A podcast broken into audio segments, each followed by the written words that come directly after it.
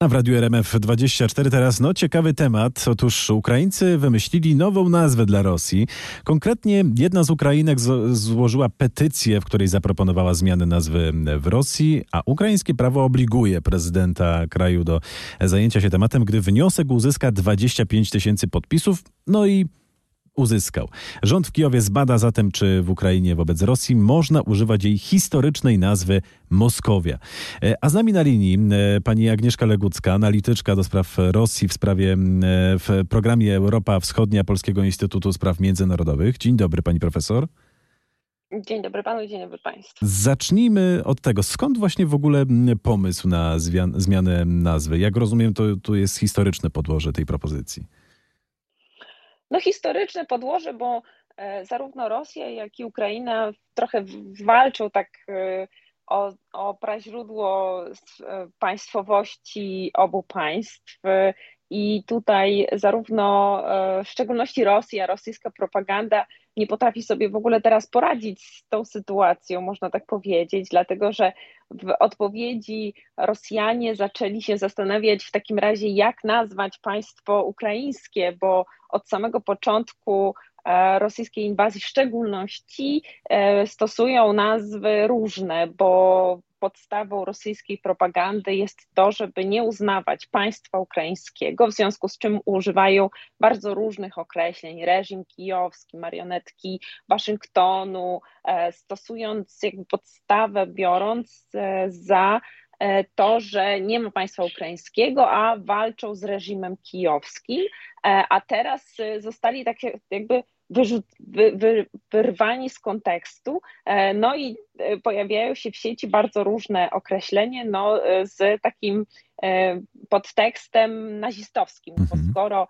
dochodzimy, dochodzą do wniosku, że powinni prowadzić tak zwaną specjalną operację wojskową z takim zamysłem denazyfikacji, to, to był taki pierwotny zamysł prowadzenia e, działań militarnych w Ukrainie, no to nawet co pomysły Reichu E, e, nawet. Stąd też rosyjska propaganda nie, rzeczywiście nie bardzo potrafi sobie poradzić. A Moskowia, no bo e, mm, Rosjanie, Ukraińcy, przepraszam, mm, to jest taka przewrotna oczywiście, przewrotna, przewrotny pomysł ze strony tej petycji, która już uzyskała 25 tysięcy podpisów, ta petycja i prezydent Załański zaczął procedować ten pomysł, bo e, Ukraińcy e, różnie określają teraz Rosjan jako orkowie, jako raszyści, też z takim kontekstem e, odwołującym się do przeszłości. To ja tylko Moskowia... powiem, że autorzy tutaj napisali, że bezczynność Ukrainy w sprawie historycznej nazwy Rosji jest milczącym uznaniem niebezpiecznego twierdzenia wroga, że Federacja Rosyjska jest bezpośrednim spadkobiercą naszej Rusi kijowskiej.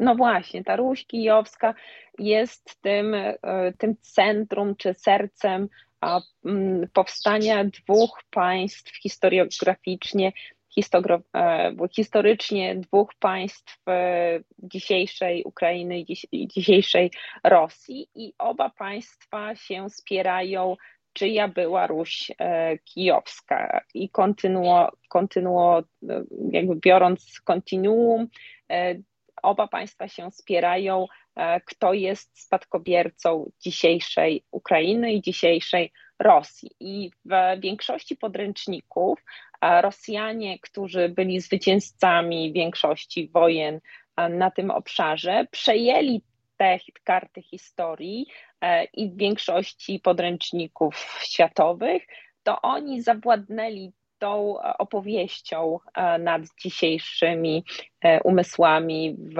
związku z czym Ukraińcy musieli wydzierać w większości przypadków te karty historii i dzisiaj opowiadają swoją historię, że tak naprawdę to oni są dzisiaj spadkobiercami właśnie Rusi Kijowskiej.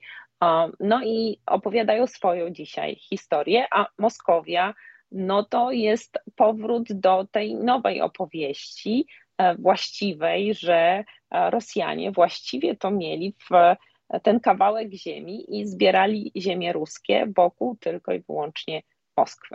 Pani profesor, Ukraińcom udało się, myślę, zdenerwować Rosjan. A ta obecna reakcja Rosjan jest taka trochę nieudolna, jak pani mówiła, ale czy spodziewa się pani, no, że tutaj zostanie coś poprawione, że ta reakcja będzie jakaś inna, że coś wymyślą po prostu? No właśnie, problem polega na tym, że Rosjanie, przynajmniej w tej bańce naszej europejskiej czy euroatlantyckiej, trochę stracili wiarygodność, jeżeli chodzi o przekaz historyczny, ponieważ już tak namieszali swoją propagandą i dezinformacją o tym, co mówią o sobie i o tym, co mówią o Ukrainie e, i o Ukraińcach, że dzisiaj bardzo trudno jest uwierzyć nam, Europejczykom, o tym, co, o tym, co nam przekazują. Czyli może to nie czym, mieć już znaczenia, tak? Tak, w związku z czym wszystko, co przechodzi z tamtej strony, jest bardzo mało wiarygodne. E, I e, wszystkie opowieści o szatanie, który e, zaczyna się rozpowszechniać w, w Ukrainie, o biolaboratoriach, o tym, co dzieje się w tej przestrzeni ukraińskiej, o tworzeniu antyrosji, bo to jest bardzo powszechna teza, tak naprawdę jest ukierunkowane nie tyle o tym, żeby przekonać nas, Polaków, Ukraińców, nie wiem, Niemców, Francuzów, chociaż tam już trochę jest lepiej z tym, to tak naprawdę jest wysuwane czy też kierowane na ugruntowanie twardego elektoratu, czyli Rosjan, a do tego, żeby zmobilizować ich, do tego, żeby szli na front, do tego, żeby konsolidowali się wokół Władimira Putina i żeby jeszcze bardziej wierzyli w mm, w to, co obserwują w telewizji, to, co słyszą w radio, ale tak naprawdę, żeby e, nienawidzili Ukraińców i nienawidzili Zachodu, bo e, w ten sposób e, mogą uwierzyć w mm, to, o czym sami też głoszą, bo propaganda poddaje też Rosjanom możliwości tego, żeby tłumaczyli sobie e, okrucieństwa żołnierzy, którzy popełniają tam zbrodnie na terytorium Ukrainy. Zobaczymy, jak rozwinie się temat no, ewentualnej zmiany nazwy Rosji. Ale teraz zmienię trochę temat. Pani profesor, przez ostatnie no, kilka miesięcy, może trochę więcej, mówiliśmy o wielkiej rosyjskiej ofensywie, która była spodziewana przy okazji rocznicy wojny. Jak dziś pani na to patrzy? Czy na przykład na wiosnę można spodziewać się tutaj intensyfikacji? To znaczy, no, wielu się spodziewało w czasie zimy, bo mm, musimy zdawać sobie sprawę, że zima jest takim dobrym momentem, albo była takim dobrym momentem do przemieszczania się ciężkiego sprzętu.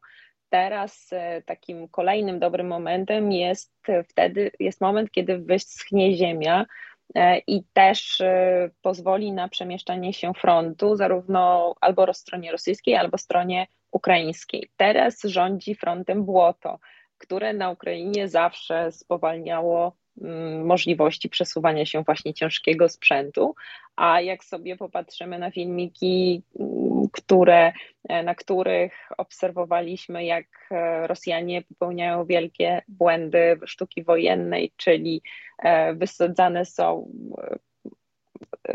czołgi na tych trajektoriach poruszane są, poruszają się po prostu po drogach, no bo drogi są zaminowane i kolejne, kolejne e, czołgi po prostu trafiają na te właśnie miny. E, no to znowuż e, w momencie, kiedy mm, czeka, czeka strona rosyjska albo też strona ukraińska, czeka na po prostu bardziej sprzyjające warunki pogodowe, żeby móc przemieszczać się po terenach bardziej wyschniętych. A, a Rosjanie nie mogąc przejąć Bachmutu, bo teraz jest takie mm, największy ostrzał artyleryjski wokół właśnie Bachmutu, e, Ukraińcy wykrwawiają się tam bardzo mocno, ale też spowolnili tę ofensywę zimową właśnie w Bachmucie, wykrwawiając także stronę rosyjską w tym miejscu strategicznym. Tutaj jest trochę tarć między wojskowymi i politykami, czy też e, właśnie mm, prezydentem Zełańskim, bo mm, Rosjanie od wielu miesięcy nie mogą zająć Bachmutu, e, ale też e, pozwala to w pewien sposób spowolnić tę, pozwoliło, może tak można powiedzieć już w czasie przeszłym, spowolnić tę ofensywę rosyjską. No właśnie, tutaj też e, wygląda na to, że są te jakieś wewnętrzne tarcia w Rosji, ponieważ nadrzeczniczka rosyjskiego MSZ-u Maria Zacharowa powiedziała na sobotnim forum w Moskwie e, poświęconym wojnie informacyjnej, że w ścisłym kręgu kremlowskim trwa walka wewnętrzna. To dosyć zaskakujące, prawda? Zacharowa jest doświadczoną rzeczniczką, a otwarcie poruszyła te problemy na forum publicznym. No w Rosji w ogóle od samego początku wojny problemem jest upolitycznienie działań wojennych po stronie rosyjskiej, e, bo wiadomo jest, że Władimir Putin ma duży problem z tym, żeby pozwolić dowództwu e, rosyjskiemu operować w pełnym zaufaniu na tym, co robią na froncie ukraińskim i zmiany e, rosyjskich dowódców na froncie ukraińskim. Widać było, że nawet jeżeli e, pewne zaufanie było im dawane, to w momencie, kiedy odnosili pewne sukcesy, to szybko byli zdejmowani, żeby nie urośli do pewnej pozycji politycznej.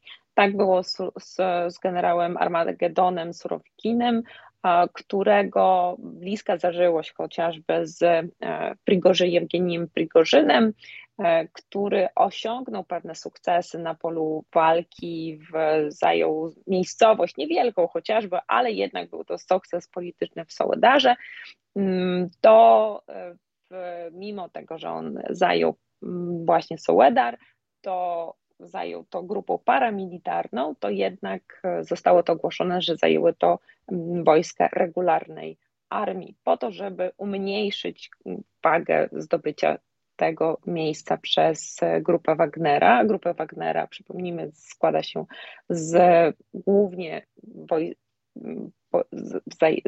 głównie przez Zeków, czyli właśnie mm, przez tych, którzy są mm, ściągani z kolonii karnych i więźniów, ale głównie grupę paramilitarną, a z kolei Jewgeni Prigorzyn był bardzo dobrych relacjach właśnie z głównodowodzących Surowikinem, no i tutaj już się zaczynają tarcia między właśnie i do głównodowodzącym i szefem sztabu generalnego e, Walerijem Gerasimowym, który w następstwie tych właśnie tarć został głównodowodzącym e, w, właśnie w e, tej nowej operacji w Ukrainie i miał być odpowiedzialnym za tę nową ofensywę, którą właśnie mieliśmy obserwować, ale ona nie nastąpiła. Więc te tarcia wewnętrzne w operacji wojskowej w Ukrainie, tej wojnie oczywiście, my to tak określamy i to jest agresja Rosji e, w Ukrainie, ona miała nastąpić, nie nastąpiła, bo też, tak jak wspomnieliśmy, pogoda nie, nie pomogła, ale e, te, to się nakłada na te wewnętrzne tarcia w rosyjskiej armii, ale na politykę również.